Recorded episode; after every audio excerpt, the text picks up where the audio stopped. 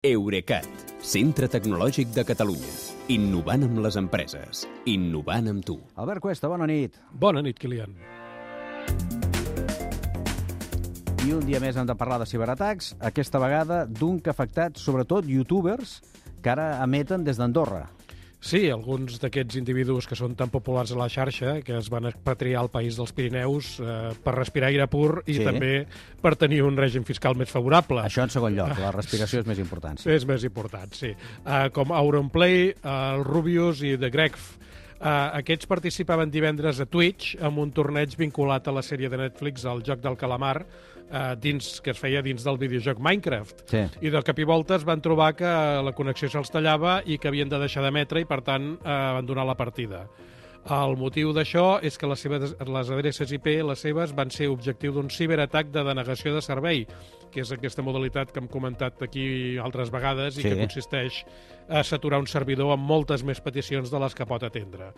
Doncs l'empresa que els proporciona connexió a tots ells, que és l'operadora pública Andorra Telecom, diu que va ser l'atac més intens que ha patit el país fins ara.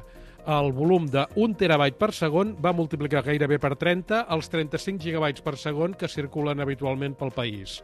Uh, L'atac va ser divendres, però es va repetir dissabte i diumenge a la mateixa hora i fins i tot aquest matí de dilluns n'han rebut un altre que ha durat mitja hora, tot i que ha sigut de menys in- intensitat perquè aquella hora els youtubers no hi eren. Ja. Uh, potser el pitjor de tot és que les conseqüències no les han patit només els youtubers que dèiem, sinó també uh, altres empreses i particulars andorrans.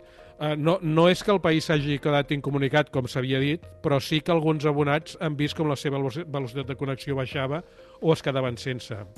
El que ha passat és que els ciberdelinqüents han anat ampliant aleatòriament eh, l'abast del seu atac a altres clients de l'operadora o fins i tot a la pròpia infraestructura de la companyia, com els servidors de correu i de DNS.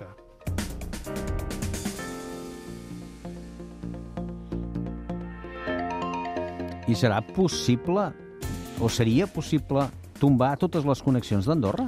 Uh, seria més senzill que tombar les d'un país més gran, sobretot perquè la connexió d'Andorra a internet és una mica peculiar.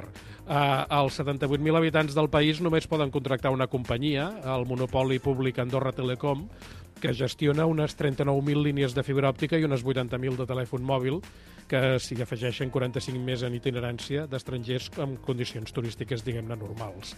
Per tant, si algú hi fica la banya, com ha passat aquesta vegada, té relativament fàcil encertar les víctimes.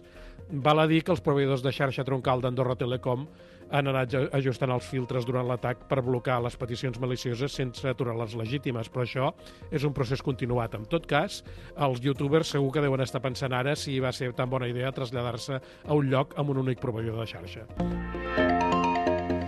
I aquí la gran pregunta, qui hi ha al darrere? Se sap, se sospita, qui hi ha al darrere de l'atac? Uh, ara com ara no se sap, perquè ningú l'ha reivindicat. Uh, el que se sap és que la llau, la llau aquest de peticions procedeix de 50 països diferents, amb un pes important de Corea i de Rússia, però aquesta xarxa del que s'anomenen bots, que la majoria són ordinadors que els han segrestat sense que els propietaris en siguin conscients, la pot haver contractat qualsevol per un preu relativament assequible. Eh, Naturalment, els beneficiaris poden haver sigut altres jugadors de la partida, perquè aquest torneig està tenint una audiència mitjana de 860.000 espectadors, amb pics de 1.200.000 que ja acumulen 12 milions d'hores de visionat i per això hi poden posar en joc un premi de 100.000 dòlars i un cop han quedat fora els, aquests participants d'Andorra, eh, doncs els que queden tenen més opcions de guanyar, però això mm, t'he de dir que només és una especulació. Cert.